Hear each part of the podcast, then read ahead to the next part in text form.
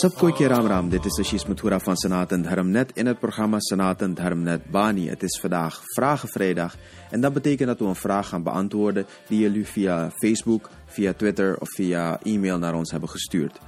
Andere vragen die jullie nog willen sturen naar ons kunnen jullie sturen via de links die we hier onderaan zullen plaatsen. Schrijf je ook in voor de nieuwsbrief als je dat nog niet hebt gedaan. Want als je je hebt ingeschreven voor de nieuwsbrief, dan ga je via de mail um, informatie krijgen over het Hindoeïsme, over uh, Sanat en Dharm. Komende feestdagen, informatie over hoe je ze kunt vieren, uh, wat de achterliggende gedachte is. En uh, ja, wat je moet doen, wat je niet moet doen. Allemaal makkelijk gewoon in je e-mailbox. Dus schrijf je zeker in voor de nieuwsbrief als je dat nog niet hebt gedaan. De vragen die we vandaag gaan proberen te beantwoorden zijn gestuurd door Amr en Gita. En ik heb de vragen een beetje samengevoegd bij elkaar omdat ze met elkaar te maken hebben. En ze hebben ook te maken met wat wij recentelijk, uh, ja, wat recentelijk in het nieuws is geweest, waar uh, Europa recentelijk mee te maken heeft gehad, België eigenlijk met name, Brussel. En dat zijn de aanslagen. En uh, de vraag is, of de vragen zijn, ik zal ze eventjes een beetje proberen samen te voegen. gezien de aanslagen in België, en men zegt dat geweld in alle religieën voorkomen voorkomt, en dus ook in het Hindoeïsme, hoe zorg je ervoor dat je dingen niet verkeerd interpreteert? En, tweede deel van de vraag is dan, geweld komt voor in de Mahabharat, uh, met de Mahabharat-oorlog. Maar wij Hindoes geloven in ahimsa. Ahimsa, by the way, betekent uh, geweldloosheid of uh, niet willen raken, niet willen schaden. Waarom zegt Krishnaji tegen ons om te gaan vechten? Als je wilt hebben dat je iets uit de geschriften op de juiste manier interpreteert, dan is het belangrijk om bepaalde vragen te stellen. Kijk, het is heel belangrijk om de context te begrijpen van de verschillende geschriften van Sanat en Dharm. Daarom dat Sanat en Dharm niet aanraadt dat je gewoon een zin, een vers gewoon quote en zegt van oké, dit is wat gezegd wordt en dit is de regel voor alle hindoes op de wereld. Zo werkt het niet. Um, ik ben van mening dat het bij geen, enkele religie zo werkt en dat uh, dingen vaak uit context worden gehaald. Maar in het Hindoeïsme hebben we een soort van beveiliging, zeg maar, um, dat ervoor zorgt dat je in het Hindoeïsme zo min mogelijk misinterpretaties krijgt door altijd rekening te houden met de context. Je bent verplicht om altijd rekening te houden met de context. En daarom dat heel veel van de regels van toepassing zijn op specifieke plaatsen, onder specifieke omstandigheden, bij specifieke mensen.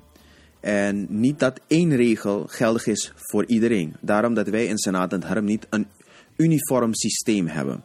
Dus dat betekent iedereen bidt op dezelfde manier, iemand gelooft, iedereen gelooft op dezelfde manier, iedereen uh, moet uh, eten op dezelfde manier, iedereen moet leven op dezelfde manier, iedereen moet uh, handelen en praten op dezelfde manier. Het Hindoeïsme erkent dat wij allemaal anders zijn. Ieder mens is anders. En ieder mens is in een andere fase in het leven en in, in een andere omstandigheid.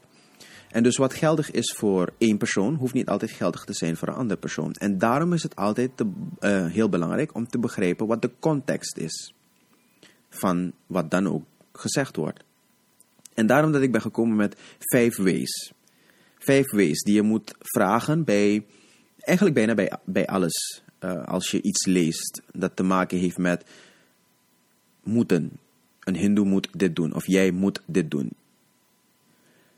Regels en wetten en zo. En dat zijn de wie, wat, waar, wanneer en waarom. Wanneer je iets leest, is het belangrijk om te begrijpen wie zegt het tegen wie. Wat wordt precies gezegd? Waar wordt het gezegd? Wanneer wordt het gezegd? In welk tijdperk was het? Wat waren de omstandigheden? En dus waarom wordt het gezegd? Waarom wordt het op dat moment gezegd? Nou, laten we eventjes kijken naar de situatie van de Mahabharat. Tijdens de Mahabharat en tijdens de, uh, de Dharmcast van uh, Ahimsa, en je kan daar terug naar luisteren, dat is uh, twee delen, of de drie delen terug, denk ik, als ik me niet vergis dan kan je luisteren ernaar en uh, dan zie je dat in de Mahabharata en in meerdere geschriften heel vaak wordt gesproken over ahimsa. En hoe belangrijk ahimsa is, hoe belangrijk geweldloosheid is. Ondanks het feit dat in de Mahabharata op meerdere plaatsen, op meerdere momenten door verschillende mensen wordt verteld over hoe belangrijk geweldloosheid is, is er een moment waar de oorlog moet starten, Arjun niet wilt vechten of het gevoel heeft, hij is moedeloos geraakt en, en, en, en heeft niet het gevoel, de moed, de kracht om te gaan vechten. En Krishna Bhagwan zegt uh, tegen hem om te kunnen gaan vechten, om, om, om, om, om op te staan, om, om zijn krachten bij elkaar te krijgen, om te begrijpen waar het om gaat. Dit is gebeurd tijdens de Mahabharata-oorlog. 5000 jaar terug. En wie zegt het? Krishna Bhagwan, de leraar, de guru, Bhagwan, zegt het tegen, niet tegen ons. Hij zegt het tegen Arjun. Dus Krishna Bhagwan zegt niet tegen ons om te gaan vechten. Hij zegt tegen Arjun, je moet kunnen vechten. Wat zegt hij precies? Zegt hij tegen Arjun, je moet kunnen vechten, ga vechten? Ik wil hebben dat je wapens oppakt en uh, de mensen doodmaakt? Nee, dat is niet wat hij zegt. Hij legt hem de hele filosofie uit van wat het leven is, wat het leven inhoudt, wat het leven inhoudt van ieder mens, wat dood betekent, wat het verschil is tussen leven en dood en wat de relatie is van ieder mens met ieder ander mens. Waar zegt Krishna Bhagwan het? Hij zegt het op de Mahabharat Maidan. Hij zegt het op Kurukshetra. Hij vertelt het daar waar het slagveld is. Hij, hij vertelt het net voordat de oorlog gaat beginnen. Dat is de wanneer. Dus, dus waar is het? Het is, het is op, uh, in Kurukshetra. En wanneer? Hij vertelt het wanneer het tijd is om te gaan vechten. Hij vertelt het wanneer een oorlog gaat starten. Hij vertelt het wanneer de vijand op het punt staat om te kunnen gaan winnen als Arjun niet gaat vechten. En waarom zegt hij het tegen Arjun? Waarom zegt hij het niet tegen een sannyasi die daar in de buurt, een, kleine rishi, een muni, een, een, een pandit of wat dan ook, iemand die daar in de buurt was, iemand die onder een boom aan het mediteren was. Waarom vertelt hij het niet aan die mensen? Waarom vertelt hij het aan Arjun? Hij vertelde het aan Arjun omdat het Arjuns dharma was. Het is Arjuns plicht, het was Arjuns pad om te kunnen vechten, want Arjun was een kshatriya. Arjun was iemand die een vechter was. Hij was een prins. Hij was iemand die de verantwoordelijkheid droeg om de mensen te beschermen, om de dharma te beschermen, om zijn land tegen tirannie, tegen onderdrukking en tegen onrecht te beschermen. Dus, Krishna Bhagwan vertelt tegen Arjun, volg je dharma. Arjuns dharma was de dharma van een kshatriya, de dharma van iemand die moet kunnen vechten, iemand die moet kunnen verdedigen. Krishna Bhagwan vertelt niet aan de mensheid, hij zegt niet tegen ons, pak een wapen en ga vechten. Dat zegt Krishna Bhagwan niet. Krishna Bhagwan zegt tegen ons, denk na over wie je bent, wat je bent, en volg jouw dharma. Nou, jouw dharma is afhankelijk van plaats en tijd, omstandigheid en relatie. Een simpel voorbeeld. Je kunt misschien een bankmedewerker zijn, iemand die de hele tijd achter een eh, bureau moet zitten en werken. Is het jouw taak om te vechten? Nee. Het is jouw taak om, wat die bankzaken ook mogen zijn. Ik uh, zit niet in die branche, dus ik uh, weet niet wat je precies zou moeten doen. Maar dat is jouw taak, dat is jouw verantwoordelijkheid.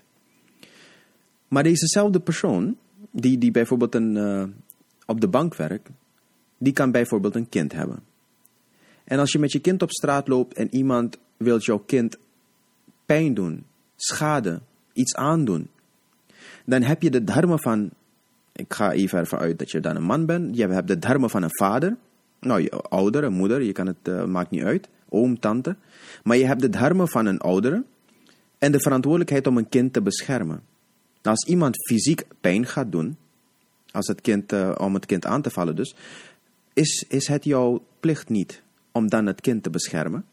Dan moet je kracht gebruiken. Dan moet je macht gebruiken. Dan moet je misschien hard gillen. Dan, misschien moet je gaan slaan. Misschien moet je vechten. Je moet doen wat jouw dharma is op dat moment onder die omstandigheden. Want je hebt de verantwoordelijkheid om dat kind te beschermen. Dat is dus het volgen van de dharma. Dat betekent niet dat God tegen je zegt, je moet vechten. Het gaat niet om het vechten. Het gaat om het volgen van jouw dharma. Een militair die op een slagveld staat. Die vecht voor de verdediging van zijn land, het beschermen van zijn volk.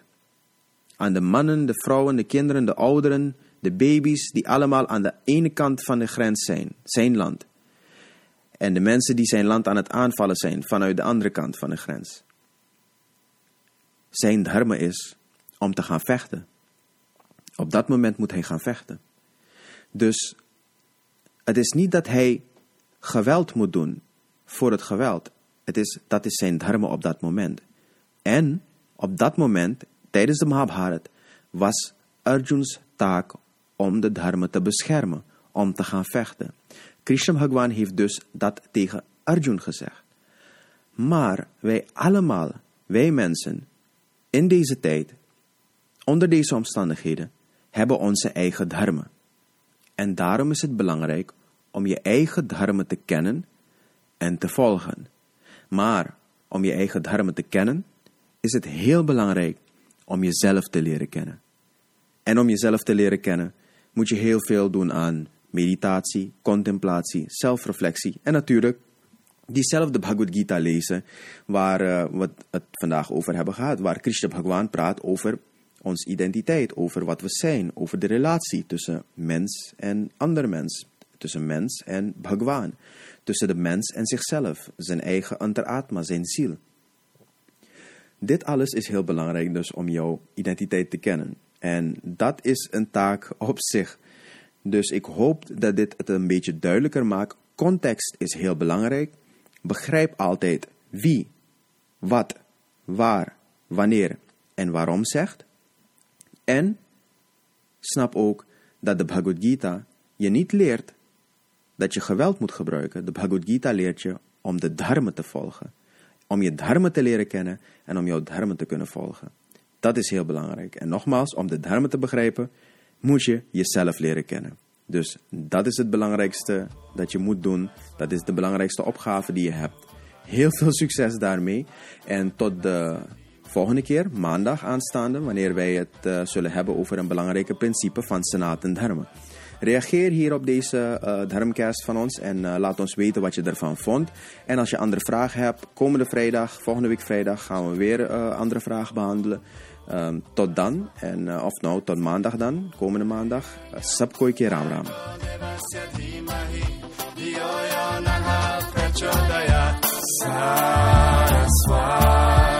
deve satisfazer.